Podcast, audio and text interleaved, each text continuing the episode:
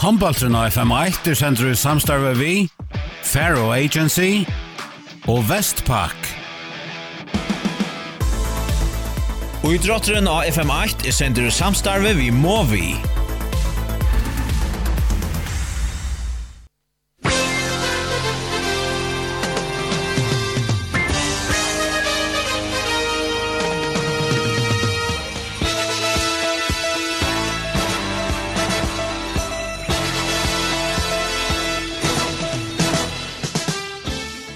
Velkommen til Beinleis håndbalt her av FM1. Sjurur Hildarsson Høydal for å sige fra Tveimundistun i høllene og Holse i Havn. Den settene klokkan fyra ver i Børn mannstaltene mittel Næstan og KUF og hesen fyrir distrin er ein i SMS-daltene, kvinnedaltene. Han er mittel Næstan og Stjøtnena og i toppen hava Kintel og Heinalfjers 15 stig kvør. Og Næsten nummer 3 vid 14 stigen og Stjøtland utelige det nummer 4 vid 12 stigen. STUF nummer 5 vid 8 stigen og næst attast EP 2 stig og attast VP 8 stig. Sjurur, vi gleder oss til vånande en spennende og jaunandest. Det er så helt vist. Og høyt ut i stedet halden om beina veien, så sørste jo som du sier at det er øyelig avgjørende. Nesten kan. Legger seg åtta i sms-deltene. Ta man nu ha vart lite spalt. Lucka Nekva dyster. Men eh, Stjøtna kan så eisen spela seg opp eh, framom nästan og, og annan plass er også hjem. Her er det så at eh, Stjøtna hever imponerer øyeløst og vi finner seg vidt at det var en kappingar at her er også vas i Klaksvig i Ari kvinnehåndbollet. Og vi så ikke noen kjenda leger kom atter og noen som vi kanskje har ikke sier nekvar. Då er det Ljåstein, det er vi selger Dort er Johansen etter hun. Det er særlig mest til. I retter Alinon. Og sammen vi med Midland og Midlnøren striklegaren Malene Massen. Og så Dort er Jojic som eisen kom natter til klakskar spela. Så her var det en hatt som ikke ordentlig annar før Fær mata seg vi. Men det manglar framvis at jeg vinner en av distin, toppdistin, og en av hynon, topp fyra linon. Her, så vi kjent om nästan som er heimann vet det, og så har en av fjörs og Kintel. Til rettene så finner jeg Janlag med nesten noen senest. 26-26 om jeg minnes det rett i høtten noen. Og så så var just det samme skjedde. Jeg tror 26-26 måte Kintel. Og så i Fyrir vikur søgjane så var det en øyelig jaun og dyster her det akkurat ikke et næst at få sti i måte i og Heimavøtle. Så etter er det som spiller mot den beste tider, ønske at og nesten det samme spalte en opera, opera spennende dyst. Kom de akkurat det samme koppa til nesten, og i høyvik mye kvölde, men det var altså Heinanfjers åttali som enn enn affær finger til det her, men altså tvei som har haft Just det som upplevningarna av Otto Heinan första sanns vikna och nu är det Stjötland som får börja vel, och Jansson släpper till goa möjlighet ut i högra vänster men hon skjuter fram i Och han skjuter fram i Jansen Jakobsen. Det var spalt i 30 sekund nu. Skjøtten kommer fra alle gamle ødelegger. Der spiller Øle vel ut av høyre vong. Jansen Jakobsen kommer i jøkken, men skjuter et langere hot men han fer. Nega fram i malen. Nesten i alloppe, nesten er mannen så fra Brian til Jovanna Strandinac i mal, så av vinstra Vonje er da Herver Niklasen, Nadja Pevic av vinstra Batje, Solbjørst Høy av Mine, Ingun Persson av høyre Batje, Rekul Magnussen av høyre vantjer inn i strikene. Her er det så Birita Vardum. Hanna så vi det först för jag också mig kväll ju i Höjvik och jag snabbare spelar Disney, nu hun hon seg sig öde väl så det mer värne så Ulrik var enig. det var högst två til, til, några som bär i sjötten og nesten har haft häpne vi senest til at Ulrik var och då Levi kom sex spelare och Nico försiktig här Och nu är det nästa stöttnevärne. Alltså när Ferry hooks anker nästa kvinna hur hon inne. Ta sa jeg faktisk ikke rett og slatt. Det var en ny gang fra från nästa och här runt innan Ferry. Sjödan i mannen så jeg sa til er Teresa Eideskort og i mal. Så av vinstra vann er det Katrin Bertalsen, av vinstra bakke Tori Eliasen, av mine just nu er det Julian Alifkos, og høyre bakke Erdur Dahl Johansen, og høyre vann Jansi Jakobsen, og innan strikene Malena Massa. Nu får Julia Bresta, trennen skulle se her, og partens først seg, og han fyrir ut. Sjøttna for heldur ikke mal, tvær mot farner, 0-0, og så kommer nesten Julia fer, Nadja oppe henka, og etter at Julia gått mal fra Nadja Pejovic, 1-0 til nesten. Nadja Pejovic til 1-0 etter, ja, kommer dribblande fram uh, just jet den där kanske akkurat kommer plats men er ska komma fram och og och så stannar der flätar och han får upp på höggebulten midt fire, 1-0 till nästan och stöttarna att Jalpe Julia och Tora spelar samman Tora för och nu gör han mitt fyra för någon dårte så helt åt högra vånka Jan Jansson till Valjökne nå Petter Flynn han stöcker stans där tättar med igen och så tar han i bein ja Malvern någon och han ser akkurat in och Malvern som så där 8-8 Jansson Jakobsen ja nej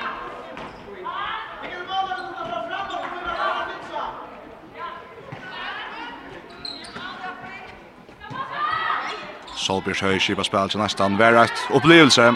Mye kvöld det, har vi fratt. Ølja, ølja, stendig alle spil nå og fikk valda nekva troblegger fyrir. Har han fyrir ta, som sagt, et nesten akkur ikke. Og nå er det verjan som gong grøyla alt skjøttene Malena Massen fyrir a fenga bølten, og så må han bøye etter fölkje, og så får Solbjørs akkurat stekka til Kjota alle Alubon som er ved. Tøktes det være en visser. Frøye møla ikkje skjøttene men Solbjørs høy for akkurat stekka. Stora danska strikleggaren Kjøttene. Kjøttene. Stjøttan i alle bjatter, 8-8, vi har spalt i 3 og en halva minutt. Vi møter nesten og Stjøtna. Julian og løpt på skiftet vid Torre Lesen, kommer Torre Ølja ferien midt fire, det ser godt ut. Vi er etter Dortus, og Julia ut av venstre batje, bant inn i veirna, og kan se der og se frøykast til Stjøtna. Så at eh, Nastan førsten veldig fin her, at her skulle være tråk. Men så helt ikke nekka motmann her skulle være frøykast. Det er ofte så vi just Tøy. Og Tora Røyner han fikk seg alvringen av strikene, men det etna sikkert han fyrir fram i leikaren og så fer nesten bølten. Nesten fer alle batter, Nadja spalt seg i inkona, og så missar det ferien nesten til, så han har sagt godt ut just da der skora Janne. Så det er Salbjørst, og han får opp og langa til, og det er godt mal, 2-1, Solbjørst høy. Ja, fein om at Luka fikk nett her at hon stod seg sera vel, Solbjørst høy, mye kvalitet. Nå Svartjan som sujan skott i målet. Skjøtan kör skjøtta Hidman. Skjøtta fram in så skjøtta spelar Kimin. Där finner han Vanjas här och så skorar Herver Niklasen till. Troja till nästan. Ja, man ska inte känna det. Just som jag har noterat Salbjörns för uh, sitt mål så var det Julia som skjøt mitt fyra Charles Jötne bättre var i, Johan också ett han löter sände bulten bant fram och här Herver Niklasen färn och fänga bulten. ja bant fram av fyra. Maltaien Charles Jötne och Gerda Leutaisen til 3-1. Vi har spalt i 4 mot 4 sekund, 3-1 nästan mot Jötne. Dorda Björn är här för Jötne. Bränna från Tori. Bulten sönder Leiser. Röjde till som bulten. Det ändrar alt vid en frikast til Jötne. Det ändrar alt vid en frikast til Jötne. Jötne i Alubä åter där Johansson kör in. Oj, så bröstar han ett syans skott av sted. Och då tar du kroppen och Nadja har öljigt missar luften Men näst ända i bulten så pratar fram. Nadja manklar och i sin kjölla lopp. Någon kan jag där på Jesen där. Ingun har sina platser. Krossar till Salbjörs. Ja, där på Jesen där Nadja skulle komma fram. Alltså hon fick ett underskott så bröstande så bänt i han och Jag se till att här skulle lycka. Inte för att sporta på att han att ska ha luften att träna lite. 3-1 till nästan emot skjøttene goar, goa verjestøver tja nästan för fest. Vi har spalt i 5 och en halv minut. Kjem bira vart runt av strikene. Så kradar han nöja gå till knallan bult ut av vänstra vång. Så kradar pressen natt från minen. Nadja upp mitt fyra. Och Therese Eidsgård Bjergar. Returen för vånchen. Herver i djöknen. Och så attran Bjergjink. Bjergjink att det fra Therese och Eidsgård. Och stötnar för Jallo. Tore Lesen tripplar fram, fram i Einar, finner Dorte, så Dorte längt ut högra vånken, det väl spalt men akkurat och spuksta Jansen kan färja jöknen och så är vi nästa värjan fotas här. Tror jag till nästa men Teresa Eideskor stämplar in i dysten nu. Och det här är Karskommen till stöttene som hever av sindra trobelag om vi är annan kvarsta på Alebjörk och Så tar det kommer till mødelager så här där så helt i skåra.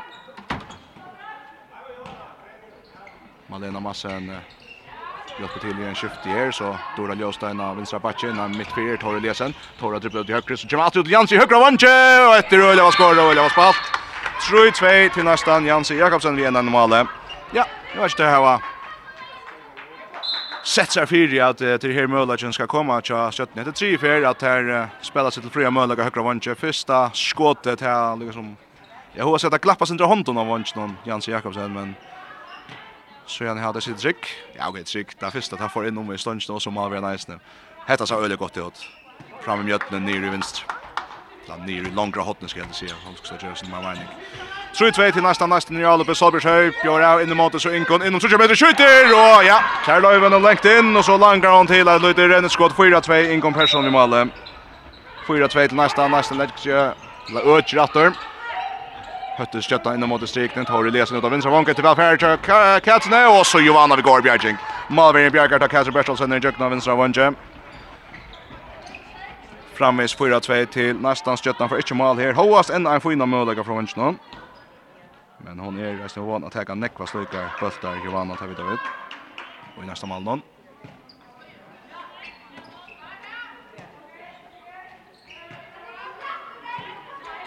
Så Bjørst Høy skipa spelet. Det er bulten mitt fire, så det vinser til Nadjo. Så Bjørst midtfire etter. hun finner plass her, og snøyter seg i jøkken veierne. Og så vejer hun fort, just som hun skal gjøre seg dreier av kjøta. Her er brottskast til neste, og Maria Nølsøy kommer inn og teker brottskastet. Ölja fein nummer själva nakra nu att det ligger något i att nämna Solbjörst har någon för svink här till att hon är färn i svink. Ens väl som gjort det, mycket Stens det. Ständs ölja väl i all upp nästan någon. Og Maria Hansson gjør arbeid li ut vid brottskastet, så det 5-2 til nästan. 5-2 til nästan. Maria Hansson etter, etter brottskast. Skjøtna at du alle på, han, jeg vet ikke om, kanskje skulle der hoksa å komme hans til Mønlega Bakton til at, Uh, ja, tar det lesen. Oj, hon får bare skjøtta Barsen just så, men så skjøtter han fyrir, så er Kjallars Mønlega, Kör fram mot, åh, kör fram mot Rekov, men bøtten är länkor rätt och slett, Bara vänkner, bara höger och vänster i Farnar. Just som där skulle men bollen lyckas nog väl till där så är Möller Jimmy in nej till det inte till Pedro Larsen. Ah, pilka bollen. Ta bollen ska komma innan segna till sköttene, men Pedro har just haft foten innanför egna brottsteg så är frukast till sköttena. Sköttena var vid bollen. 5-2 till nästan. Vi har spalt i knappar 90 minuter. Sköttena lightar kanske sin central uppspelen just här. Röndas där Tor Eliasen in i Björn. Alltså fram vid pissa lägger någon nå i nästa så mål. Tor Eliasen Vi tacklar för först allt det och också att en kunde finns tackla han upp men nej. Så finner hon vägen i jökten vägen av korsne. Slutar sig läsa 5-3. Point inte mål gott jökten brott att Torre Eliasen och ganska just ett slukt jökten brott och vill häva ta. Alla blir halta sinter så tar du vi tackla så Slutar jökten tacklingen så skrar det. Så nästa fyrir han att backa upp och så vill plåsten gräsa den. Här nästan Jalobjatti går gröda kjøtt ut högra vånket väl färja Rakolo och jag skora. Ulje var skåra. 6-3 till nästan. Rekol Magnussen vid sin första mål i det. Ettan svär sig nästan här då första lötna vi Moe Sia, Torda Johansen, Kiba spelar, Röjna från Torre, här så vi en tackla pura li och Ingun Jersey gå om med att läsa armarna. De första finns ju häntna då batchen till sköttne. 6-3 till nästan vid att i knappar 20 minuter. Tora, goa fyrir i måte, så rör hun atter, og om et nas var frikast. Men det här dysten är just nu. Det är vinstra backen till Köttnö och framför högra tvär till nästan Ingon Persson och Torre Eliasen i Nikon Twittestånd. Det är så sen slutna. Det är att de står ena för att komma jökten. Jag har inte bra vi. Ja, Tor, Tor då släpper bra här nu. Och rymmar skrubb med Johanna Bjergar. Johanna Bjergar. Skiftar där. Tor då släpper bra vinstra backen upp och hänka. Presta skottas där med Johanna Bjergar. Och så Vi har spalt nästa någon Ingon i jökten och Ingon Persson till Shaitroy. Hette Sabjörn Sjö som arbetar ut i vinster så är i vinster bak däcken kan Mina. Halta stöna ja och så lytter hon bulten. Vi har väkran på om man har högra vång och här Ingon Persson inte. Ingon Persson och hon för jökten så är lepat in efter högra vång. Ja, högra backen alltså. Och skorar sitt andra mål till Shaitroy och Kristoffer Gersnensen. Skjutna vänjer. Kjørt her som han ja, helst er pura nøttra gjør, han teker timeout. Vi spalt i touch 20 minutter, shade trøy til nesten imot stjøttene. det går byrjan til nesten her. Takk om alt skjøttene, her er Niklasen skåret sitt første mål i Janne, Rakel Magnussen ett mål eisne, då tar vi henne ment vi alltid. Mar Maria Nilsson ett mål, ett brottskast, så Björn Höj ett mål, Ingon Persson fick två mål nu, och så Nadja Pevic ett mål till dig Tjeja nästa någon. Så till dig Tjeja till Tori Eliasson i en och Jansi Jakobsen vi två mål. Stjödne har ett mål, ska komma sönder bättre in en distan nu, nästan blir väl bättre. Att touch mot Tjeja, vi tar höra lucka. Ja, vad händer det? Humboldt och FM 8. Sunnundagen ser vi datter fra håndbolt i Ovid er i høttene og holse til tvær avgjørende dyster. Vi byrjar klokkan 2 i SMS-deltene ta i næsten og skjøttene pressa saman. Og klokkan 4 er det næsten og KF i børndeltene. FM1, tutt håndboltsradio. Håndboltren av FM1 er sender i samstarve vi, Faro Agency og Vestpak. Og i drotteren av FM8 er sender samstarve vi må vi. Så det at vi høytlig holdt seg her er Bølsen ikke givende opp nå, at han har vidt at Jan Lutland stekker i en av timeout. Men altså tjej trøy til neste an, at han har halvan 11 minutter, så det ligger torskast av Sindra Gulv. Nå skjøttene for alle skjøttene her prater om tinsene. Skjøttene spiller vi som må oppsetting. Julian Adekko midt fire, Dorda L. Johansen og høyre Batje, vinstre Batje Tori Liasen, jeg strykne Malena Massen, og vinstre Vondje Peter Bertelsen, og høyre Vondje Jens Jakobsen. Nå arbeider du vinstre, Julian, der vi kommer i kjøkkenen! Norra Grivla kjører ut, og ut, og ut! Bøltren stöcken ner bant vi Masik när man Fritchen så där och tar aldrig helt rätt att han är. Och så är det Jans i hinnan då ända vi att penga bulten, stjäla bulten från nästan tot här i Roma spelar sig till möjliga. Skjuter fram möjliga så att Julian Ulrich tripplar sig fram efter Ivas näka tar Lysen till Griver in och Björn och gott skott, gott mål. Och så är det en ölig sammanbrester. Hon får inte björa av att mot Ingon Persson som om till Lorsta och vi är för någon fam så en så att det var här tills värne nu och det var några öl tvåtest mellan Torre Eliasen och Ingon Persson.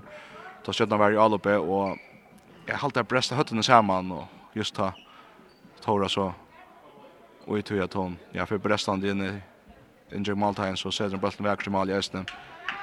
Halt er boar av hodnatter. Inte blå. Till allt näga. Och det gott kort till Ingona Östen för hettar här. Men ja, hon ska lägga ut av sådana sig center. Kommer Björsk Johansson in av högra back. Nästan någon. Tjej fyra till nästan. Så har vi nästan två lamar läggare. Vi har upp någon. Och syns till att det liksom nämner till att det det har ju center salte vi lamar läggare i kundalten. Det har en jag sagt från handboll det är kanske nästan hela vi ölja salte. Så det så produkt ut. Björk Johansson så onkel högre backer. Och så han läggare.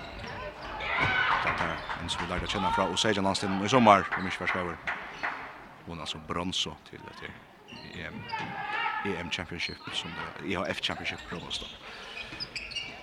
Vi har en Brattna högra, kött ut av högra vångs där, släpper inte jökt ner, så kör Brattna mina till Salbjörs. Bryter mot högra, cross av Björs, kan man släppa in mot, så kör man höger, Gern och så Brattna vägen, och det är väl frikast. Det tar Omar, Ivan Sluganek som jag ville säga, ända vi har varit frikast. Men... Um, Og man løyder stein gående all upp till nästa natt Här her er en atra nødtjon. Nadja Pejevic, trippla in i innan Signe till välspalt. Birde Jökne. pura lei, som skorar. Birde, Vartum av strikne, minkar Nej, nei, Orska, Øtjer och månen till 8-4. Öja samfram spelar från nästa någon och så stjøtna natt i alloppe. Kjøttet högra høyre vank, Jansi, pura frøy, men Jovana Stranjanac just, som hånden vann, Öja går från fra frøyn høyre vanken. Stjøtna varvade bølten, ter få bulten ett inkast. 8-4 till nästan. Og nå har vi støttene Olvera finnet troblekker av Sølja Jovano i neste målen. Og nå tar der Østene en avlenga tøy og skifter ut. Der er Vinstre Vongur vi skifter. Og der er Tora Nora som kommer inn for Katrin Bertelsen. Og så kommer Dorta Kristoffersen Njojic inn for Dorto Johansen. Her er det just Dora Jojic. Innan stikker til velspalt om Alena skårer. Ja, hun skulle ikke bruke nekka løtra av Øtland. Dorta er noen... Uh, Vist ju öl det vi skott att det är öl i det öliga samförande och så för den och varje mi värn efter. 8-5 till nästan gott strikemål från Sjötne då det gör ju till Malen Massen. Och första mål jag kött nu igen. Goa, goa löte. Och så är det kanske kommer stämma. Nu Björskul är bra här och så lämnar det mot Ordet. Tora fänga bollen att skjuta bulten i skjold. Och nu är det Tendro på kommer in i distan. Nice att spela Will Toro. Och Giovanna Björkar pura flyttatter. En av förinkas köttna. Ja, hon är nog kan nog ganska malt halvnät. Johanna har haft några egna störbjärkar. Therese Hejena framur dubbelbjärking i det nästa. Här tog det. Jo, jo, jo, för inne björ av. Innan sucha metren, vi tacklar näka. Löse korset skott, ja. Och där för Male och så då det jo, jo. Orge last upp i så stöttna all uppnån. Hette stolt sucha.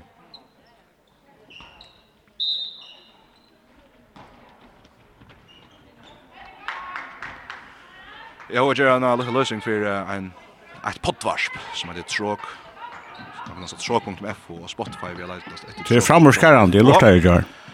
Du tar tås av vi senast om att jag helt att Dorta gör sig ut som ja, bättre än hon säger Lanche och i håller att hon gör rätt just nu som hon spelar kanon. Nu du tacklar rätt där. Du tacklar Björst. Tacklar nog så här. Solbjörst är bra korsne. Solbjörst gör det och värjan ställer sten här frugas nästan. Jag tackar här i studio för det. Gav vi matching som Berg har Tack för. 8-6 till nästan. Han röstar på att varsna ska se det. Men för äntligen det här, men här tar vi senast och vi får ta upp i kvöld er og hin som gjør det. Han er oppe av håndbolt inn til sent i kveld. Vi får røyne kveld datter.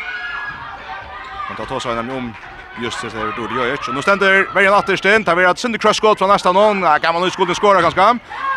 Men Därför inte Males Jötnan för bulten och så ja Lurum ju mycket dåra ju inte att så att ta över datter till Jeron där brinner högra backen vid Krösnäka löser skott just där Korsne ta bröster i målhotne skott och ut men Stjøtna fer bulten atter, tar vi frykast og fjallan utvisning til Solbjørg Høy for tacklingarna. Og då det gör ju som hever ja. Brött dyste, nu det spalt i ekors her. Nästan framme 8-8-6, men att ett stjøtna all upp som ser nick mer samför ut nu. Just akkurat er ferdig 8-6 til nästa, nästan her finnes jo sinna, eller finnes jo dagsens første utvisning til Solbjørg Høy. Stjøtna spiller i utavspill, Julia. Lägger till Toro så längt ut av vungen. Så det är jökt ner Toro Norra och han skorar. Toro Norra lever. Ja, Rune Spux ganska färs ordla flå under alltså om hon färs ju hoppas längt upp men så skjuter hon bara ta förre och ta ett väl. Åtta tjej. Stjärnan har skorat tre mål där. Och kommun till åtta tjej.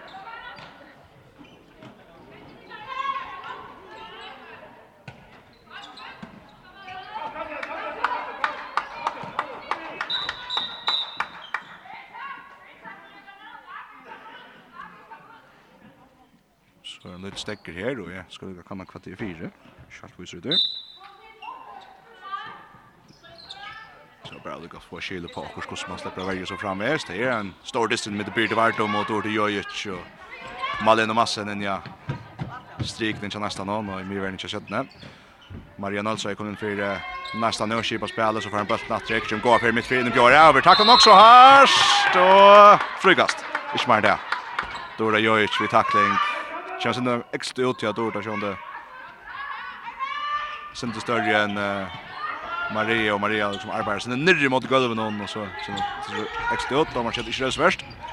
Ingen person har bult ner nu och känns det kaos i allt på nästa ant här skift Malman in till så där en färre. Ja, ingen person uppe skjuta blockar fyra och Malvin färran till det side skott lofta bulten. Då det gör kicker fram efter mot mot Kjallopnon, så är det en trippel, att ved tvers första vatten, och finna fantastisk, han och å strikne och så i Javnleikor. 8-8 i mitten nästan och skötna Malena Massen efter fram ur avrik av då och Jojers. Och här, här, här var tog jag smöjlast och flänna i mig värn så skötna och där kommer att det. Ja, hatt now. Hon har väl... Ja, det snuttar till Dorda hin Dorda, Lars Dorda, El Johansson är nu då. Dorda ser Jojic som är inne. Så har det gått ut. Nadja Pevic där bra där. Dorda att händer han som skulle krossa och så sen blocker fyra ta. Nadja skjuter korsnä men här är det Frukas fram och undan. Frukas nästan 8-8 nu då Köttan som hur ho att här var Alger att han syntes det stund kvar och hur vi spelar handboll. Nadja lägger bra mitt fyra, Dorda fänger in och stiger fantastiskt på att Dorda och Peter var det skjuter fram i men här ska vara brottskast där i Här går handbollen nu i Ötni Holse. Där måste jag synte tömnet av Fölkje ganska och till det sälja störst att här och kanske på sex sätt där som skontron på kommer här. Ich kommer från igen. Så kommer Rina Lorentzen in som är skilda grönländskor landslagsmålvärj om det fyllt vi HM så är Puerto Rico här på ett ett akkurat inte Grönland jag kommer vi är framför Puerto Rico. Och för helt rätt färdra brottskastan nu tja Mario Nolsson. 98 til. Nästa nästa nåt åter. Att han att ja, Sjötna skora fyra för det och Jana från 8-4 ner ja till Ur stöden 8-4 Jana till 8-8 nu att 8 till nästa. Mariana alltså är sin örmal i det. Det är ett brottskast. Och Dorta Jojic Ivas Ölet här och ska ansa sig Ölet här. Och Saina släppa bollen någon till att hon ger en taska fel. Haltar döma för antingen Dral etla Feton till att hon hickar sen en Alvering som hon inte orkar vill hava och skångt öja lunch just av i Alvinstein så ser domaren alltid att hon antingen track och nekfet eller hon som central och nek för att hon helt gott någon lunch. Och så vill hon köra steppa bult någon men tar kanske mest mot helvelt och ja, sen ut ner att det är väl reka. Men ja, blir ikke så. Men nu spelar nästan väl här. Men Teresa Bjarkar i 17. någon. Teresa Bjarkar ta i Rakul Magnusson för jökna högra vånche. Noxo spökst och så ettans inte kött ner av sig hinna den det när man har vinsa vång men Elvis Toro sitter andra kvart inte någon efter eller hon inte no till rejära på för att dra henne också det var ganska mer mer där förra. Nästen och Jarl då blir åter Salberg att sina bjöa och om å släppa till och korser på sen. Fyrna kommer fem ner frukast Arden. det krosskott från Salberg. Nu 28 till nästan.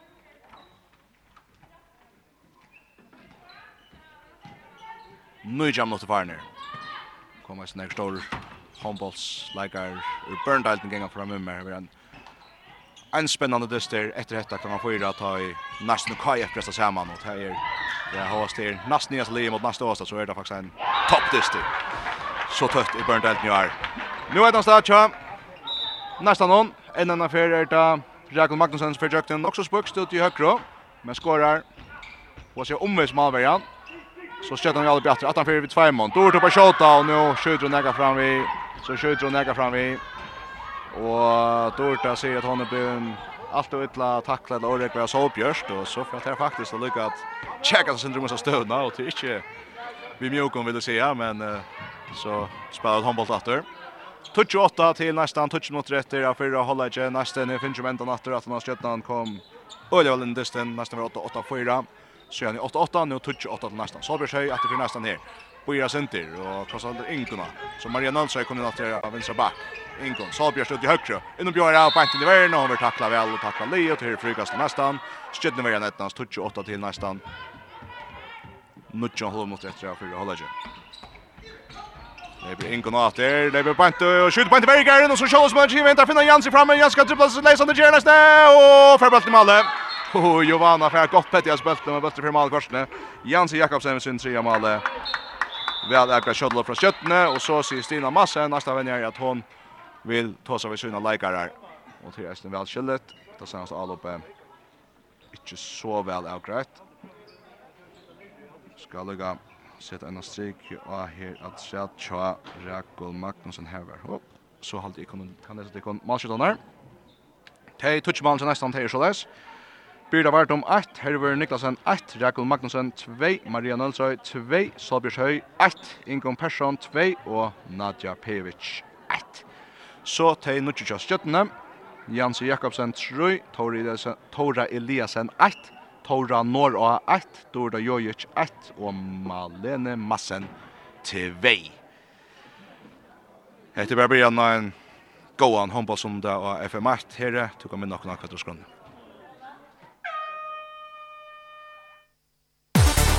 Homboltor og FM8.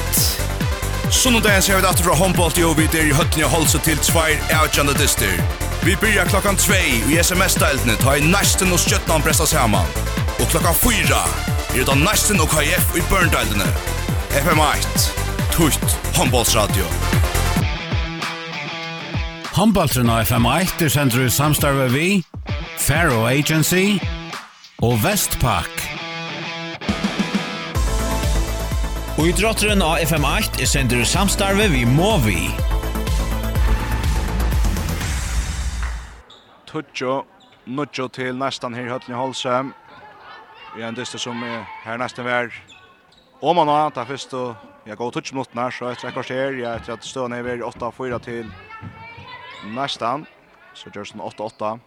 Ikke så langt etter det tar vi til spalt i skorsteret og så. Nå tutsjo nutsjo til nästan, nesten i alle bjatter. Så blir det bra midt fire, Røyna Skynna, Røyna finna stigna kjøs her, men det etnast akkurat ikke, så lever der av nutjen nesten. Ingon Persson, bryter jøkken ut i högre, brottskast, 8-7, ja, enda faktiskt vi att leva av nästan av høyre vantje. Och vi är krossnäka, och så, ja, stjøtnebunkeren øyelig åsamt vi att det ska ha brottskast, men så är. Brottskast att till nästan, att tria i det, Maria Nonsøy har sett tveit först i Male.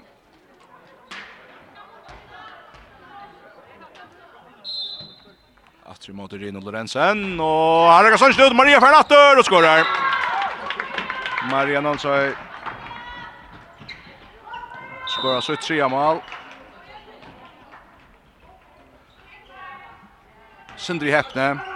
Kjærka Mainstad, så som som skårer. Rekar av Ståndsen og Bøtteren. Ja, oppsøkna. Ta med Rekar Malberg etter brottskast. Da kan Stånd få han bænt atter. Rekar Ståndsen er ganske kjølig ofta, men han stekker bænt mitt fyrir her Maria Stendrat. Så da det Stjøtten Attor, og til Brenna, til Brenna, Torra Norra ut i Avinsa av Vondje, skjøter nærmest, men skjøtter syden etter, så kan neste fra frem Attor, Nadja Pevicen blir av, gå fyrir mot høyre, inn kunne løse en plass, og finner Solberg setter velspalt, og et godt mål fra neste Attor. 12-0 til neste, Solberg høyre sin normal, etter øle, øle velspalt av neste noen.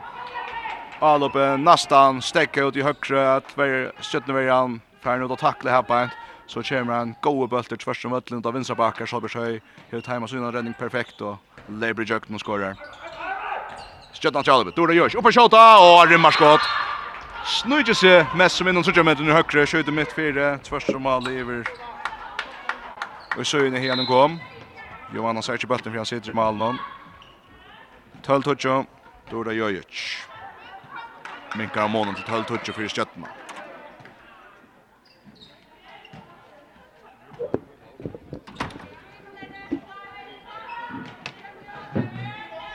tror ju mot Farner i hötten alltså. Nästa att Jalben, Nadja Pevic och bara skjuta ett rymmarskott. Ja. Kanske att han fall in i förrän som kanske löva skjutt någon hatt någon sorts med till där stål på sån parat där men det var skott i öle gott chan Nadja. Så gång det Hevin att det här kanske sönda sönda samma. Oj. Nog så hör tackling här och så ska Julia skjuta man vill bjärka. Och i en rövsänk och i nästa värden är fyra så hör tacklingen som kanske aktuellt till att det tvitas med Dorjojic. Nej, det är Nadja som Nadja som har första året just hon skulle shot också, ja. Så vart det fyra månader. Vet inte säkert har mikrofonen men det är öliga också om jag kan inte för fram i ötlån med en fjällnar på. 13 toucha, 13 toucha till nästan och Nadja Pevic för Nadja Pevic för 2 minuter. Det ändrar allt vi att nästa för bulten. till att sett att det är spalt i en fyra mån som blev lever och blev en chans chanser kunde vara större vill jag säga, men en en orekvig en chans till Julian Lövko. Malvern Bjarkar och det till. Så ofta då särskilt Firmons rekla just galdante. Ja, så flotande har vi vad säga. Ofta det hål inte jag det ut här. Möller inte en pina vägen. Men också allt var väl avrätt här. 13 touch till nästan. Jag också kan sälja mot fotboll här, det kan spela. Men gå lite att han har gått till helt där, det bättre. Oj, nu Michelinko i nästa lopp de tar spela. Undertal spel och Tishan och till att Vankren chatta man är runt natten just kan skifta ut och så kommer Bulten om man vanchar för fram i Ötlunds stöttar för Bulten natten Tore Jörgen Björn så till vänster här till Tore Lesen och där tar nu. Sonja Sonja Aberge alltså nu. Jag kom in av mina cha Stjøttene. Så spiller der Sinter til Vildalet. Først om han i høyre, og så til Dore Jojic. Og så fyrer han på opp selv, og langa til. Og Dore Jojic, minker mål 13-11. Tria mål til Dore då. Fram i ord hoppskåd av høyre bakke.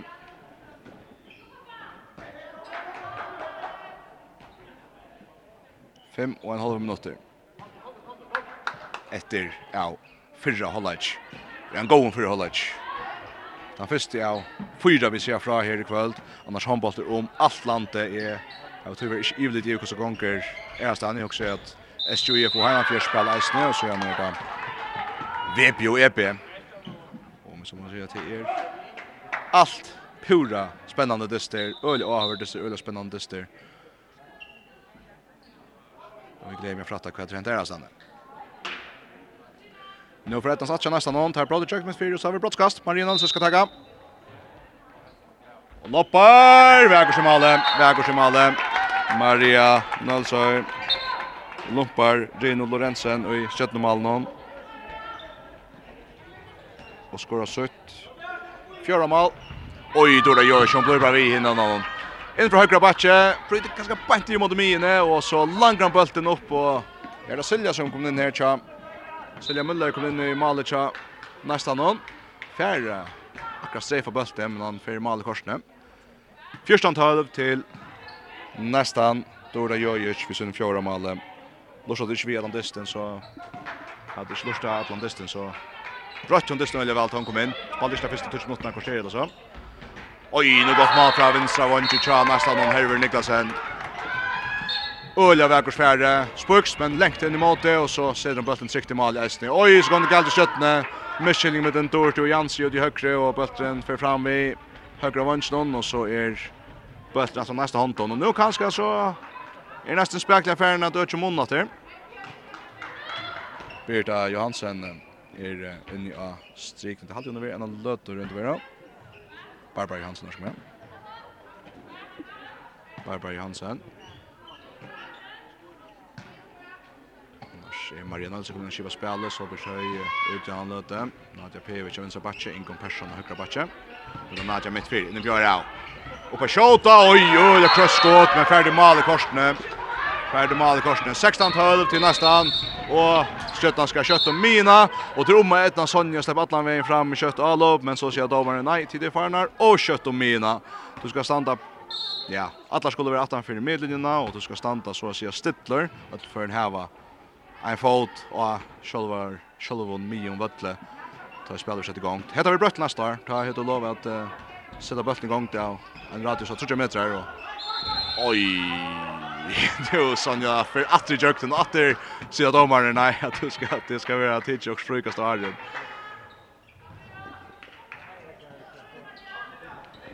Oj, jag tänkte knappt där. Nej, därför är jag. Tor Eliasson innan mina till Sonja.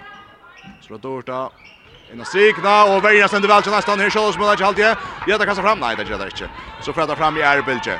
Hollywood 3 mot etter. Maria Nolsøy drever inn i måte så Nadja. 18 meter Sjål nå på Sjåten. Dribla seg lesa korset og så er Sejan Tøll til nesten. Sejan Tøll til nesten. Nadja Pevic. Vi ser noen øre male. Tria male verda. Tror jeg skal ha et annet bent. Vi ser oss alle opp noen öliga gott all från nästan någon öliga samförande spel att nu och så är vi åter här som Aren, Ja, vi faktisk kom på fem mål. Det var vår største månen det. Det var 8-4, og så kom 17-8-8, og så legger jentene og løte jo. Nå nesten er Oliver at ikke digga seg etter. Fargen tvær mot etter før holder just Jødland og Gjerna Minko månen, og nesten Gjerna og Jobbat Meira. Det kostar mega stötna lägger ner så det är Sonja från vänster och så bara fänkar i vägen Nadja för dribblar fram till Tore det kvar från Nigeria och för att Kristian Sinter men Nadja fattar med igen och så skorar och till Achan Tull. Och Kristoffer stötna vänjare ska täcka långa nu. Tar vi bäst av en minut efter och fyra håller inte. Timeout nummer 2 i Dustin. Nadja Pevic, ja, jeg har sett at det var en løtta i dysten, da vi Dora Jørg kom inn og brøtte dysten. Nå er det Nadja Pevic som gjør det samme. Begge verger alle på. Ølja. Godt spill av Nasta Bachnón.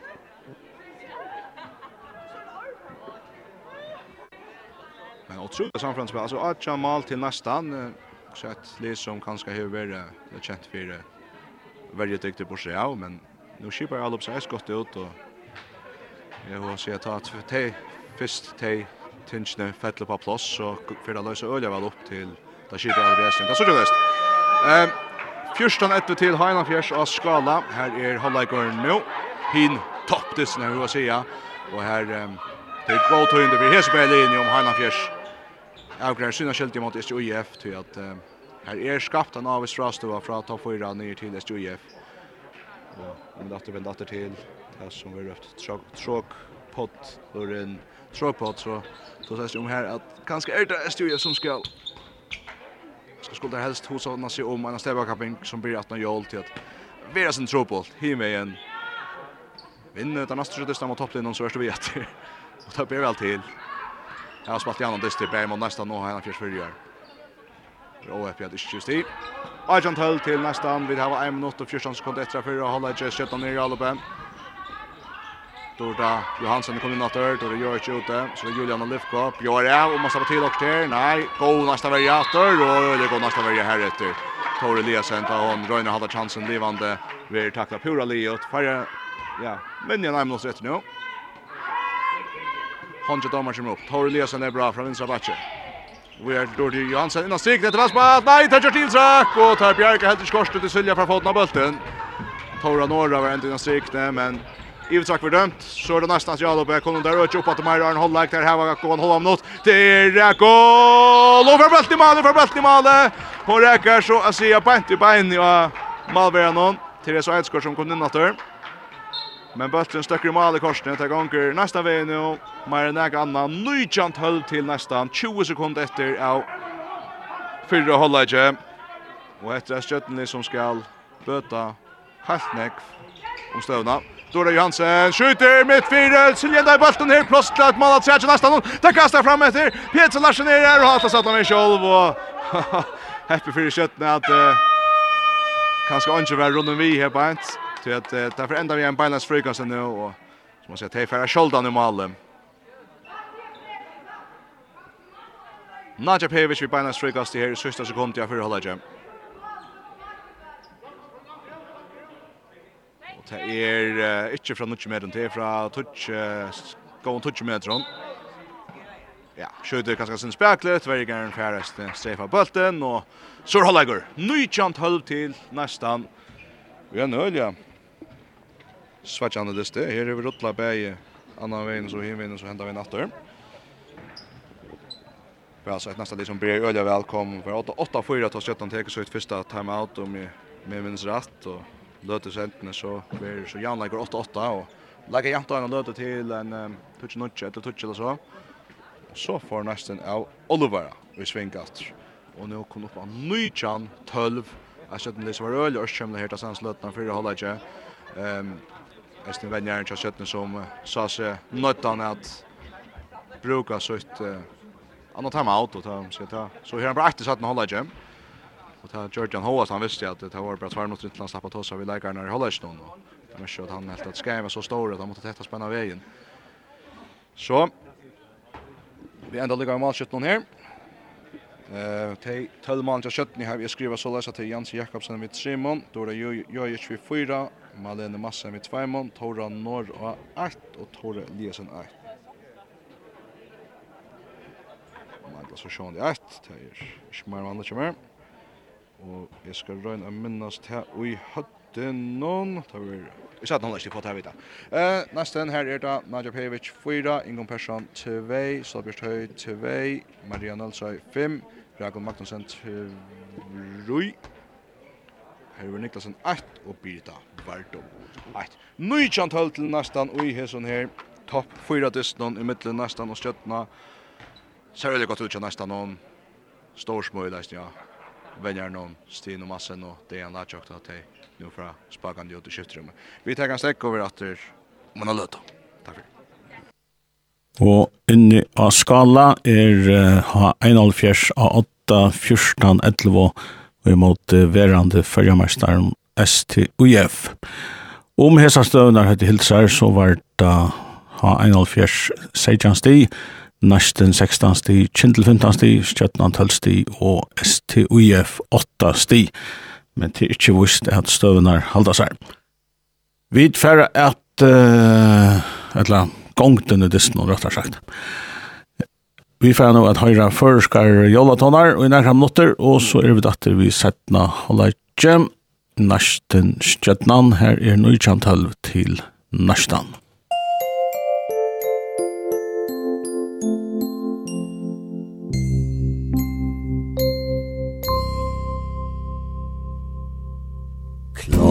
jo Klokko jo Klokko er næri Janu joli Klokko jo Rinja jo Du er og jo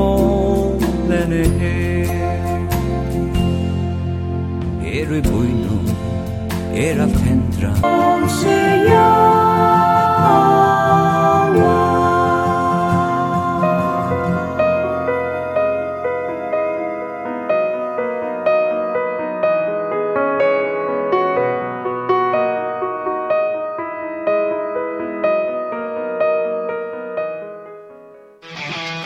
Håndballtrun av FM1 er sendur i samstarve vi, Faro Agency og Vestpak. Og i drotteren av FM8 er sender samstarve vi må vi. Det var under 1912 at titan exakt, det var under 1912 at olympiske leisner var i Stockholm, og støvan er 1912, ser etter katastrofalt ut for Kjøtnam jag ska säga att det är faktiskt 20 12 är vi har spalt i halva minut och tar check Opera väl här där första lötna tja nästan någon i sättna hålla i Herver Niklasen spalt upp till goan chans vänstra vänche 20 12 och så kommer ta så Maja kalendern så fram spelar Stjøttan i alle oppi her, Stjøttan hever bruk det att att de måste ta att ta ett bättre som dreier til nästa ska hämta den tvåa där bättre den tvåa där bättre bortsatt. Där har bruk för Julian Nekon som ska ätnast i mån till fyrir halvleik, og det gjør det bare iver høver skjer i setten halvleik. Tveita bulten bort ser i all oppnån, vi har krosset Everskyld senter midt fyrir og da batchen, da skal slippe bulten ut mot høyre av mine, og bulten fyrir utlinkast. 20-12 til nestan, og vi tar spalt i halva annan minutt av setten halvleik, Nujan 12 var halvleik Oi! Og Nadja Pevic vi vid rimmarmallet som tjänar för.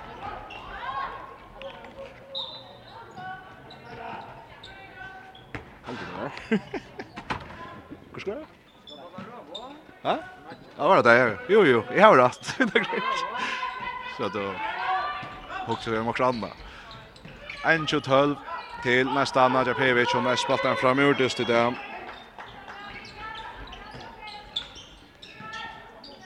Och tar vi runt över henne. Satt av mal, eisne. Stjøtland til Alobet. Har du lese midt fire. Julian Lyko. Oj, så kom Gal att han. Skjøtt Njall opp natter, nesten Njall Bjatter, Ingon Persson kjøtt Kjall opp. Og så står Bjergjeng fra Therese Eidsgård. Hesson her der så tør tørv ha skjøtt nå. Leggerne, ner til så helt visst. Therese må komme bjerga dem nå. Så det er Tora. Oj, her det styr. Ta Tora tveide sin jøkken, Peter Larsen i fyrene. Enda vi at ha bærstyr. Sammanstøyten som så ekvislig er, men heldig ikke mer så på legar ner. Her da fint. Frykast skjøtt nå. vi kan se at av skala her er Sejan Fyrstan til Heinan Fyrstan med nästa rett av. At han har tjej minuter satt noe lunch. Stjøtten Jalle Bjerratter. Tor Eliasen upp till högre. Dorda Ljöstein släpper jökna första läggaren och tar nästa och så räkar han tvärs sig ut och så fär nästan bulten åter. Så fär nästan bulten åter. 21-12 till nästan. Och skjölta det ettnast tjär 17, så ettnast inte just nu. Hette var... Ja. Så gör det är ganska synd och sent, men de känner sig inte stövna hos läggarna i fyra, men de Jermina så klarar han av bunch någon tja stöttna. Och så tvärd nästan bättre bort i Alobnon. Stöttna för Albatter, Malena fer han, ut til høyre, du vill spalt Katsna, Katsna Per Stolsen. Så er sound from the shoulder low fra skjøttene ta nästan jet lite mistak. 21-13 Kjadsen Per Stolsen, orsaka med minkar om månen. Skulle ta första målet jag sett i sätten hålla inte vidare spalt i trutchar minuter och 40 sekund. Nästa nämna så att det är Silja Müller i Malmö. Av vänstra vänster Herver Niklasen, av vänstra batchen Nadja Pevic, Amine Maria Nolsa, av högra batchen Ingon Persson och högra vänster Jakob Madsen. av stryk ner där. Barbara Johansen. Oj, Nadja spelar väl nu. Nadja Pevic innan vänstra mitt fyra, Langa till. Bulten upp i malhåttene, 22-13.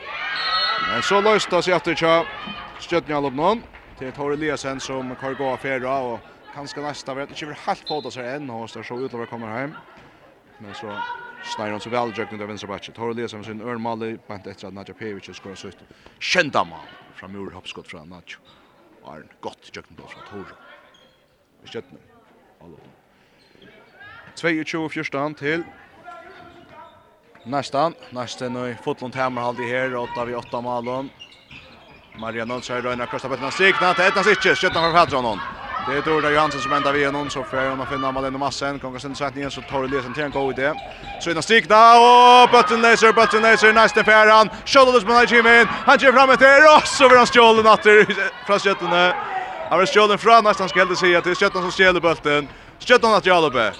Dorda Johansson fär runt i åter ser ikke hva bølten kommer, så støkker han i bant vi hver og gonger. Og så fer og krøkt fædre i bølten i bant der, når nesten legger på fædre honom. Uh, Løgnstøv, jeg vet ikke om jeg får lyst til å fri her etter. 22-14 til nesten 5 minutter av 17,5 gjørs Mina Henriksen er under, jeg kom inn av Mina, og hun finnes ikke på Mina, hun gjør sånn ekvitt, hun gjør sånn ekvitt. Ja, hun gjør litt høtting, og så hun høtter, ut i synder. Og så sneier hun seg i kjøkkenen, og det er så sin löj ut och här. Jag spelar vi fyra fet.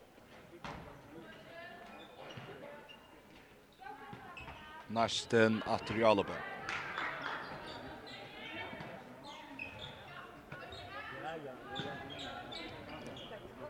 Skale stod han ved våre nøytjan fyrstan til Heinan Fjers.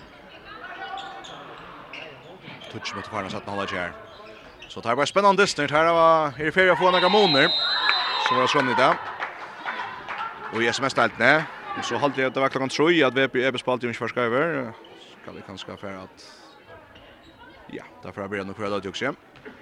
Det er en spännande dyster. Och hinner inte annars det håller jag att säga. Brottskast nästan här. Oj, Maria Nonsson skjuter lengt, lengt, lengt fram i. Hon skjuter lengt fram i. Och så försköter han framåt. Mina, in i måte, Så Julia Så Dorda, i går plås og fralukt mal fra skjøttene, Dorda Johansen. Fyrsta mann til Dorda feida til å være. Dorda Jøkken høyre bakke, etter at han kommer godt rust av nästa verna. Så stövan är 22-15 till skjøttene og nå för skjøttene ut og teker en avlenge av gång till att täcka Nadjo Pevic urspel någon mansfärjarna oppi av min mötlet. Nästa spel så 5 mot 5 i allop så blir Sjöjle bra mitt fyra och man stänger sig i rökten och detta stäjs det med Maverick Bjarkar och nästan färre torren, nästan färre torren.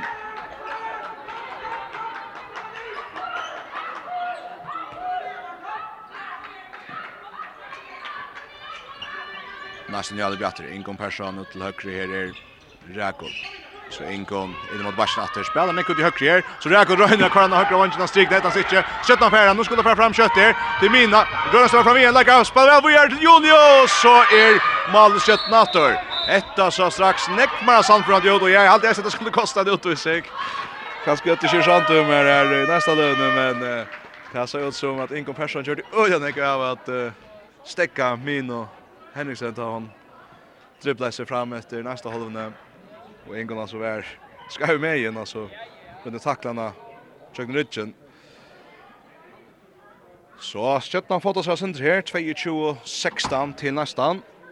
Dette var um, Julian og Lyfko som er spett av henne første mål. Det sier sindri om disse gongene at uh, Julia ikke har skåret mer enn ett mål enn, og det har Dori Hansen heller ikke. Tor Eliasson mot Sjöj. Där ska skötta matchen när lättnar här. det gör skor fyra. Tar vi så fyra mål och skorar så lättar tog in och väntar dist när vi fyra mål och en svensk innan sist och så. Vi tar bara eh matchen om att Jens Jakobsen 3 mål, Katrin Bertelsen ett mål, Tor Eliasson 3 mål, Tora Nora 8 mål, Tor Jojic fyra mål, Malene Massen 2 mål, Tora Johansson 8 mål, Julian Olivko 1 mål. Så fyra nästan. Så är det Nadja Pevic, 3 mål, Ingon Persson 2 mål, Solbjörst Höj 2 mål, Maria Nölsö 4 mål, Rakel Magnusson 2 mål, Herver Niklasen 2 mål och Birta Vardom 1 mål. Här är alltså 22-16 till nästan. För att klart ett timeout här. Nästan Jarl Bjatter. Nästan man så att det han hade unga Maver i just nu om Taver Giovanna som tjunat till man lötte så är det Herver Niklasen av vänstra vånche. Så då Silja Hensätter som vinner vänstra backe. Spelar bollen ner. och på skjuter mitt fyra Silja och Malvin Bjergar. Malvin Bjergar. Skjuter ni aldrig bättre. Mina har bollen. Gott pass ut i vänstra. Där får Jökne. Nu skorar. Och skorar. Det är Johan som kom in. Johan Sörensen. Johan Sörensen. Skorar väl här. 22 Sejan, Månen minkar ner i fem mål. Ska det bli spännande efter. Där kom till Hense. Där kom till Hense akkurat nu han omtas det som nästan sen trodde vi har lösa att här Sjöttan tar Salbergs höjbors ur spel någon så ser där som Marie Nilsson in för Malbergan och ja här var väl så mansvinna Salbergs höj och alltid träffar under för gagna det väl som Marie kanske att det är bara här rör någon från vänster. oj Michel Jeng och frukast frukast till nästan ta bulten var i hoved, släppa den med handen efter en Michel Jeng med Levon Back men det var nog så häftig tackling där så skulle känna. Och då som stuga tacklingar och det går tackling från Johan Sörensen och Rakel Magnusson nu. Frugas nästa. Silja bra här, Silja Henstedt. Frugas. Här bulten i målet men här tittar Fjora Fetio i Tans stöd sig jag tackling snart så frugas till nästa. Silja Henstedt upp och hänga. Skjuter och Malmö blir rätter men det går till under för Stjötna till bulten stöcker alla minut till inkast. Och så gå till under för nästa namn att för det här skulle säga. Så nästa nytt avlopp, nästa vi har fullmanna här om 15 sekund. Så vi kör framvis Mansvart, Silja Henstötter mitt fyra, Maria Nolsa i vinstra backe. Will Silja, Silja kommer gå för en mot här. Rönn, i atter, här som släpper en jöknad. Fäkt bult i mål i atter, med atter med flöjta. Jag ska så se, hon mest så miste bulten i mål. Vi skiljer väl domaren här, här som före, men AFP tja, unga kan nästa någon. Nu rör hon sig atter, så det är fyra mitt fyra in mot det. Och just det samma. Stöts sig jag tacklingsna men brukar näck fet och pata och frukast han nutjon till nästa. Vi har spalt i touchen mot och sett med hålla i 22 sejan till nästa. 22 sejan till nästa. 20 minuter efter att spela. Maria Nonsøy, langra skott av sted, lengt ovanför och Sjøtnan Very stint after nu. Så de mina att det går plus här. Oj, så räcker Marian på i häsen. Och vi blir crushed. Ska ha gått kors. Eh till nästa punchen. Ja. Och så blir det en utvisning till nästan för för att ha var Så då ser jag nog spänt att vänder det Ehm alltså det som händer till är att alltså mina Chimjökten och hon var för till syn att halvtiden också är så. Eh och för det här också händer ju för eh som var crossed och så hon får inte fruktskott och så ända vi för skott i och räkar bant i grön av den. Och så är några nästa bunchen som brockar sig ölt om hetta hetta måste ju ge dem shot omkring i hötte och allt det där. Och det kostar så en rövsing för det här lite och ta så förvänjar ni över och ölja hon att vi man som är kostar sig utvisningarna. Jag vet inte om jag finns sagt att han är rätt det på ett Peter Larsson har skrasat för utvisningarna var det hon som tacklade i första stövna.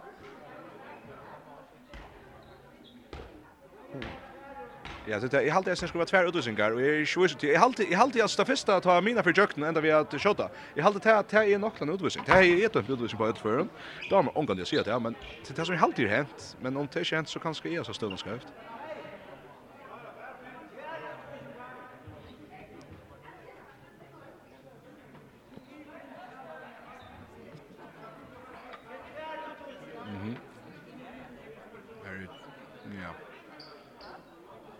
høv hitchen också att helt ner. 21 sejan till Heinanfjärs av skala. Eh, har ju skorat här här i spalter 16 minuter nu. Man kan se att det är sig för inte mal mal Adolf Jim här efter så är så till att lägga för att hålla fram med sina skisjö. 22 sejan till nästan Her, men over 22 sejan til stötta minkar månen. Stötta minkar månen. Och det kostar oss bara en utvärsing. Ehm ja. Det är så det som det är och Jag hade helst just här, hade jag sen stund skulle det bara kosta en utvecka av första antog i ända vi var sent rock jag vet inte akkurat vad hände allt som hände. Men eh, det sen är hur Jonas jag sen drattor. 22 Ajan nästan var 8 2 och 20 första. En 24. Jag tror förra. Så Velkommen i atre her av Skjøttene, og nå gong Deisen vel, nå bjerga der, og Skjøttene, Malnon, så får Skjøttene framåt atter. då gjør ikke på henga, hvor er det min, oi, Michel Sessenter, sin mina som er fyrir atter, hon er øyelig lovlig her, altså løtna. 22 agent til nesten Skjøttene, og alle blir Skjøttene spiller i tellen, Och åttan er är i god om, så det styrsten hun er blåsen spännande. Så det är väl spännande ja, det. Då det görs det bra. Så det högra vångt, där släpper inte Jöknen. Spelar ut han spelar efter. Då är det det är tröst in mot Min. Julia vi är till Min. Så Julia, Mina Henriksen. Trippel in mot Min. Längt ut högra vångt, här är plås. Där Jöknen. Åh, man fyra, åh, man fyra, åh, man fyra, åh, man fyra. Skår inte, skår inte. Jans Jakobsen och högra vångt. Här är öliga plås. Men eh, vet inte om det får Lopez väl in. Det är inte så just en löj ut om skottstövan. Och så nästan. Nu skulle det här stäcka det samma att här är inte missat något distan hånd mot att... Där missar så bulten nu i Heilon och nu missar där han nästan rätt oprovokerad ut av sjölinjen. Skjøttan fram Monica Katrat. Stort da. Det var gjerne til Julius ut til Jansen. Jansen etter kjøkkenen. Hes for siden nekk bedre. Langa animale. Og så tror man om hun etter. Var det noen skjøttene jeg skulle reiste? 22 i Jan. 12 mot i faren. Jeg satt med halvdje. Skjøttan i minka ur 8 nere i Trymal. Det er bare til trav i leikong til fyrre halvdje. Til at om hetta munte for skjøttene jeg minka ur 8-4 og gjerne til 8-8. 22-19 til nästan. Stjøtnan skapar meira spenning atter. Fjorda som Nancy i fyrda kan det passa? Her da, ja. Her da. Sabir Sjøy kom inn til i nästa allop över inte mansvärd här. Det blir Nadja Pejevic. Så Salbjörn och Maria spelar samman. Underskott från Maria och åtta stöcker i mål. Mycket bänk om avgärna någon. Hon tökst av er av röttens där var affär mot att hattar ståndsne. Men häpne vi nästan här och Eisen Donan ser mycket stöj. Klart under skott som blir målet.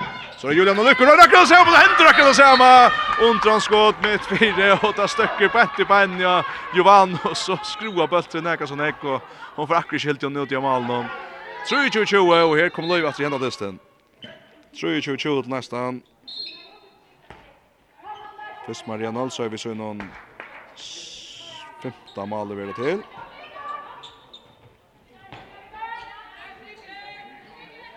23-20 til nästan her. Det var det. Julian Olivko fikk så et annet mål det var det. Ja. Eh, kvar 22 Achan fikk jeg vite at det var til Heinafjers i mot SUF, så kanskje her ikke så helt stor måneden helt där men Och nu mest och då kanske skjuter mer väl nej, där vi har frukast till nästan. Mina Henriksen åter hoa stjärnorna bult. Åter hoa stjärnorna bult. Men nästa alla som brott är Nick Mara då det här var ja, Här så bra spela så här. Men det är lätt, ja. Sansta Parsna och Fyrre Hollage. Nu spelar det väl nästan. Kött, kött av Fytigar helt om den högra vång. Och så bränner där, så bränner där. Rakel Magnusson drar Karivla, kör ut. Rakel Magnusson drar Karivla, kör nu ut. Köttan för framåt.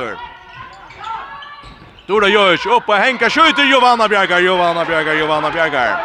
Och så gånger kött in vägen. Så blir det tripplar fram i måte. Hickar av vänstra vång, här plats till Herver. Og man er bjerg, men her skal være en røsing. Her utvisning og brott skal salt. Skal det rett?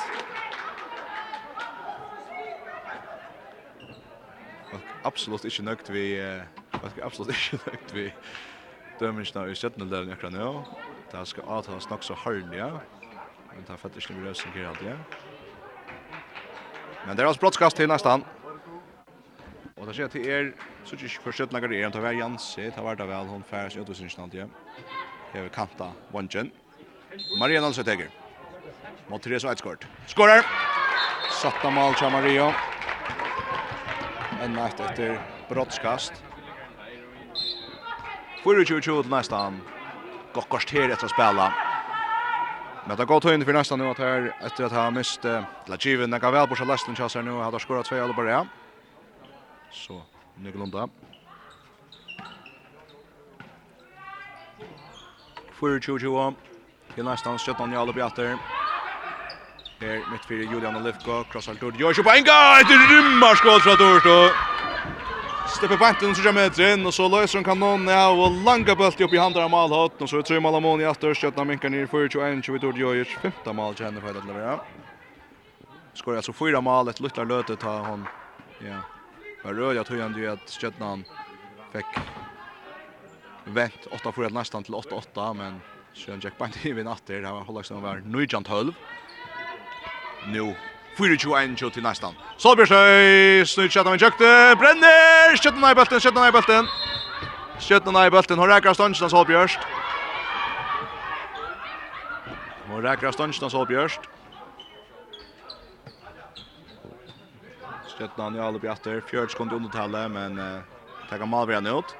Og nesten hele mannsverg, ja, og til Ivast Øylet så spiller faktisk. Eh, fem måter, fem verder så. Mina Henriksen skjuter, bant i blotchen, eller hva? Nei, nei, oi, oi, oi, her enda vi en mal til nesten alt. Nei, det er ikke sånn ut. Ok. Eh, tas onkel, ja, jeg kommer skott i år 17 i halvåpen, var det mina som skjer, til Julia. Julia. Jeg halte en rækare verikaren og fer ut til hopna, men det var stått malkast, og tar tømt mal, og bøtter vi tveit fram og ta malen, takk at stundsna. Det er så kaotisk her i høtla halsrekka, kan min mina det, ja! Julia rønns i atter, men lekt, lekt, om man fyrir. Annars eh, blir det at uh, fyllas opp i fölkje her, uh, skulle mansleggaren gjøre seg dreier. Så nästan med KF blir det etter, det här var en... Uh, dyste vi fått någon power att det att förnäka kan lova. Och jag spände sig två sti från VF och tre platser till nästan satta platser. Kaja flickar en platser. Två sti satt framför också. Nu oj ver frukast till nästan. Varsågod, är jag har sån trubbel för att tälja hur hänt nu till att det händer nog snägt löje. Men det endast vi en frukast nästan i nästa lopp. Hon här framme är 4-21 nästan. Berlin är fullmannaje. Men her tøksmer som man så blir at det er pura fri i jøkene, men her var altså bruksla for akkurat bank fram og omtann. Og etter at flere legger var ferdig kort. Jeg får vite i årene her, 24 agent til her fjers, og flere kjøtt kjøtte ganger håndboll til et halvt, faktisk her 26 agent. Nei, det var faktisk ikke det brent, det siste skålet. 25 agent, Ingun Persson, det er bra. Vi kan se vi här i Orange med Orsak att ta spel i stäcker så får jag gå över till äntligen fortälla mig stöd allt det. Vi känner vet om det är spännande här. Det är ju minst en målsida där.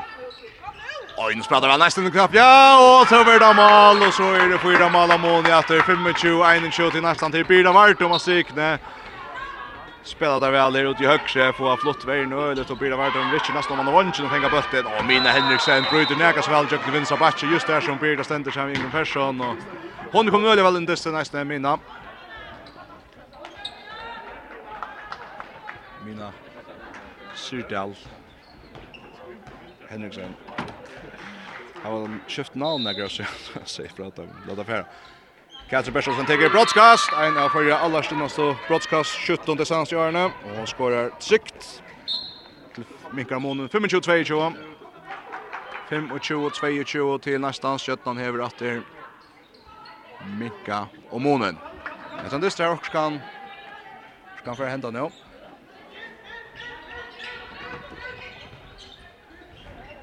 Men det är nästan som blir att här vänta nu får där lättare vi kommer chanser så blir höj. Bryd i köket nu väl skorar 26-22 till nästan och här Leiber sätter han åter. Dorita Joje swatchar armen och skorar.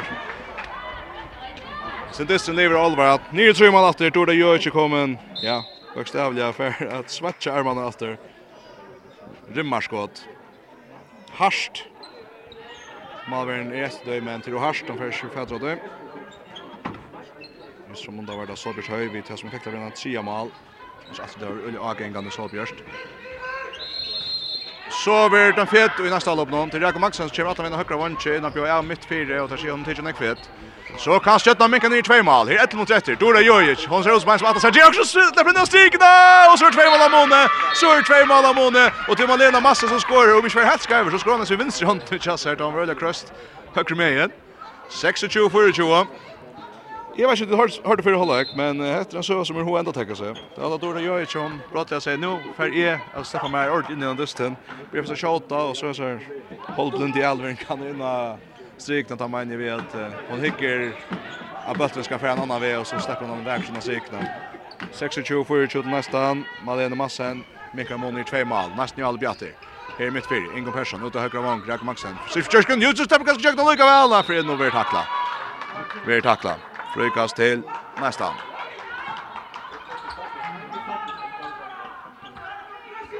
Jakob Magnussen, og så stemmer til skott, og blokker fire enda vi er nesten færbølte vi hodna kastet.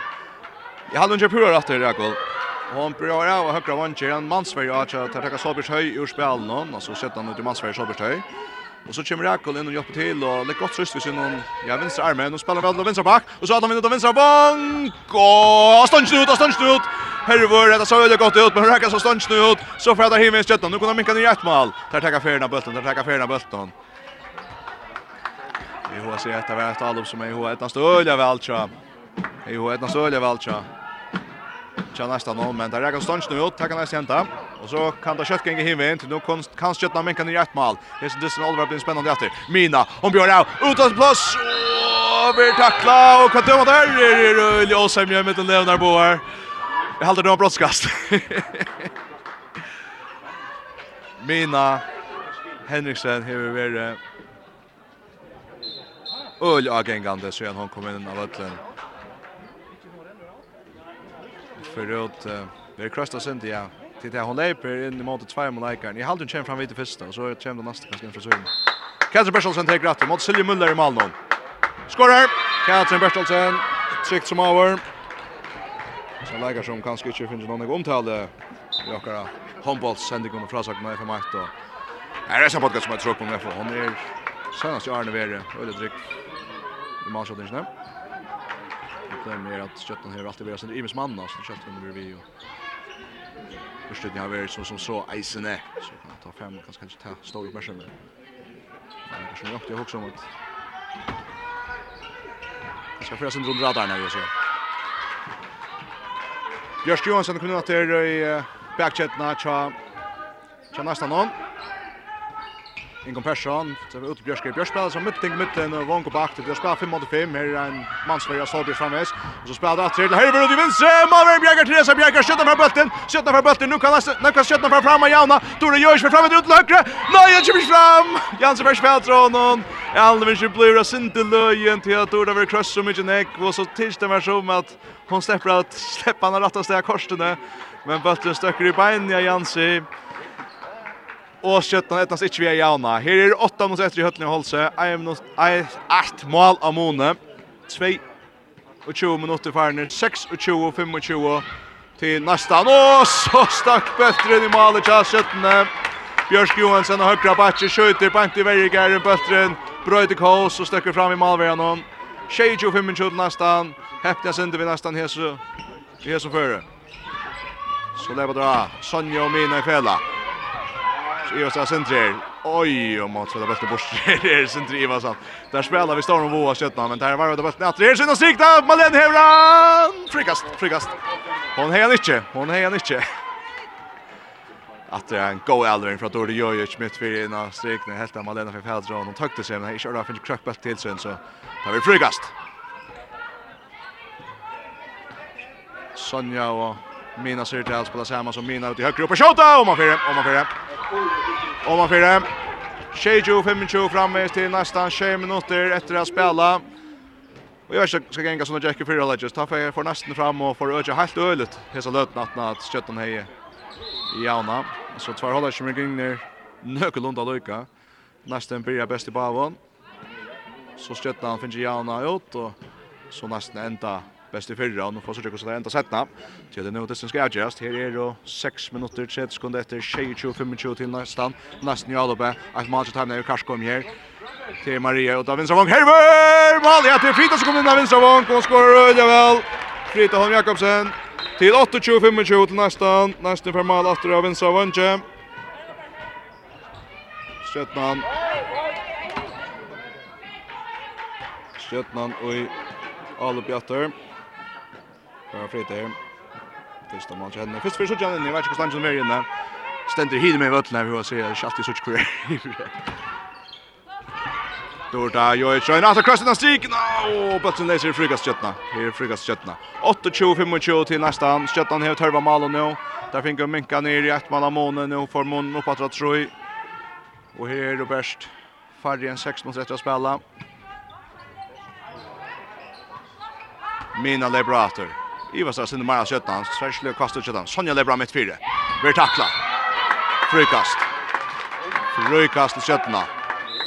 Och Kristoffer Gerst Nilsen teker sitt senaste timeout där. Han måste bruka två långa för hålla Ta nästa chans här. Ta två mot var efter för hålla till att han är stöd på att hålla ex ta vär. En det där det skulle tättast ta nästan för öde helt ödet.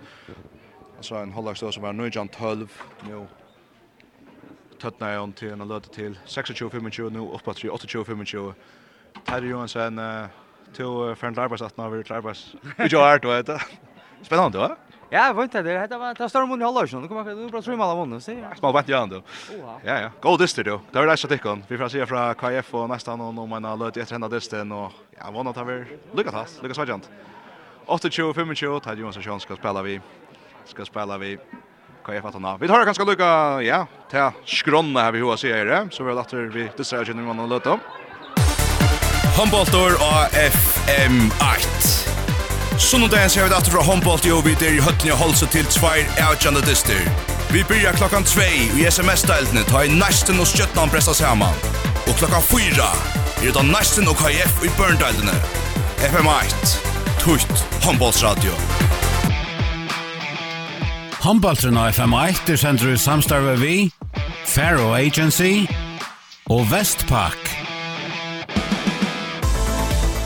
Og i drotteren av FM8 er sender i samstarve vi Movi.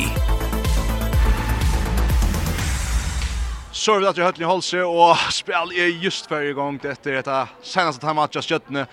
Kommer att om vi 7 minuter att höra minka en stora mån i ett mål av måne. Men nu får där möjlighet till Mina Henriksen bröder Jöknat mittfältare broadcast. Katrin Bertelsen tar Johansen helt i mål nu men Fetch Patron on Katrin Bertelsen så tryckt som ju hört till Ber. Det måste vara 15 mål känner fjärde broadcast om mycket för ska rätt för förra jo.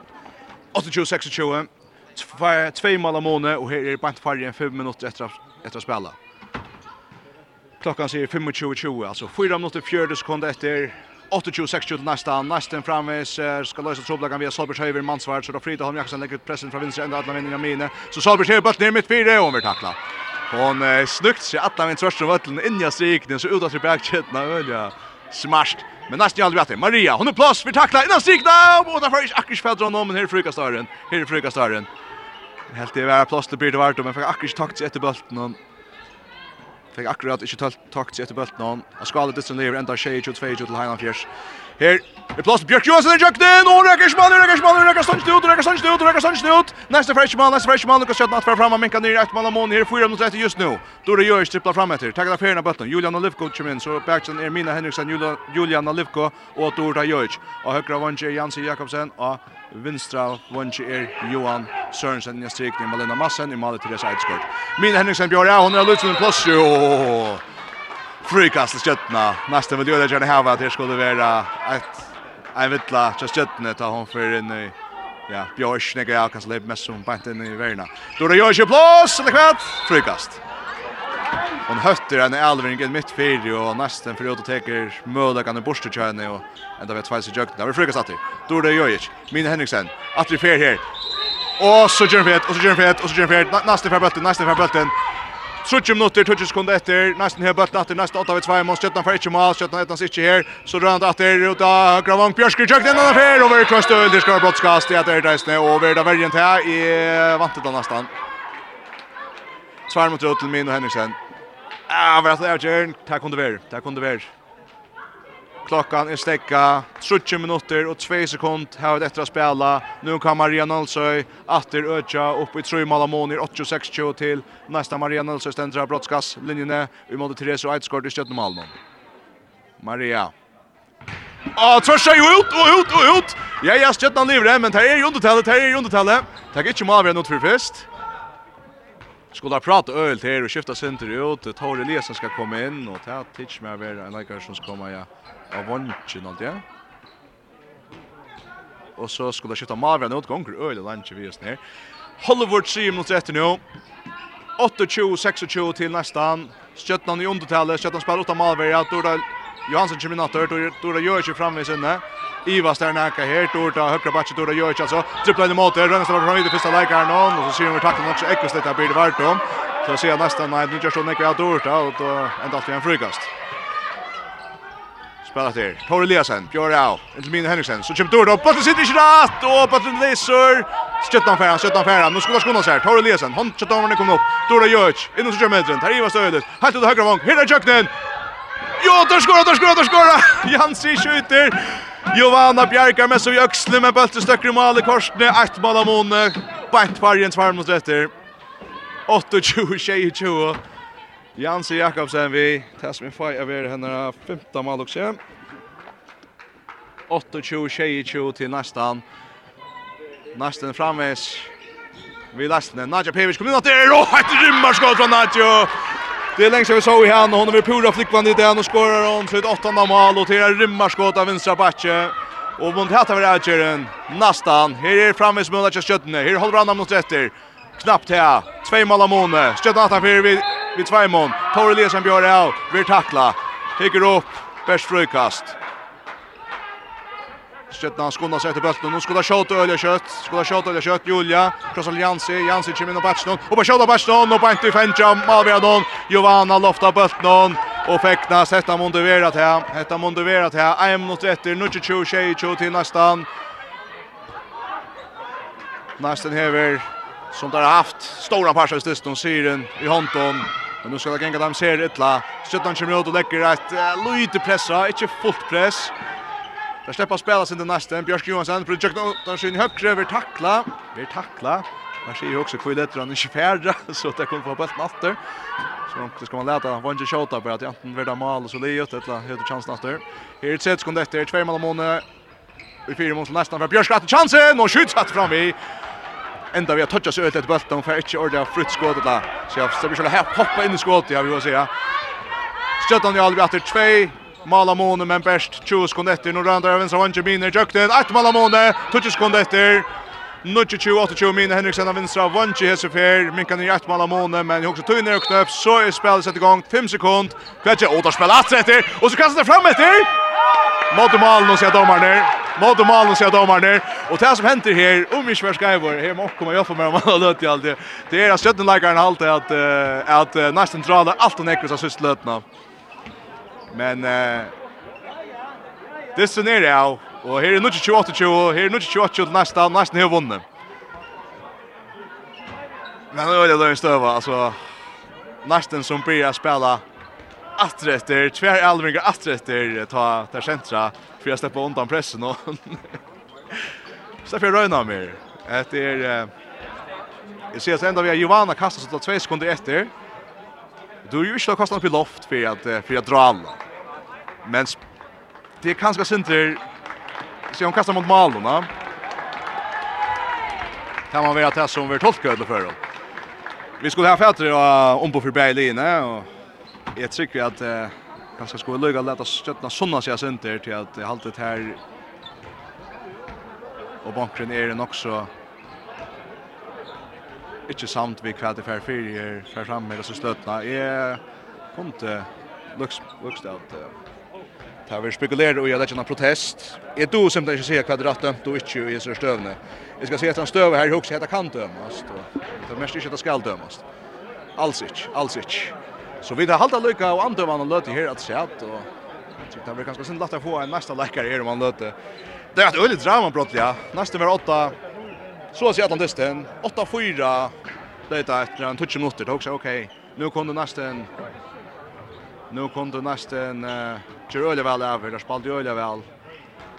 Så han blev 8-8 efter Lutlar Löte. Så gick på timen åter nästan för Hollax vid stövene. Nujant halv. Och varvet lastna helt ända men Sjötna fick ett 5 för minka ner i ett mål. Det sørste her, og ja, to tog sekunder var etter, og da hoksa jeg, jeg var løyt liv i om at det var livet, men uh, nesten spela seg, altså ordentlig av i eld her, da sa han som løten. Hæ? Ja. Her er jo en gang vi mye om dommerne.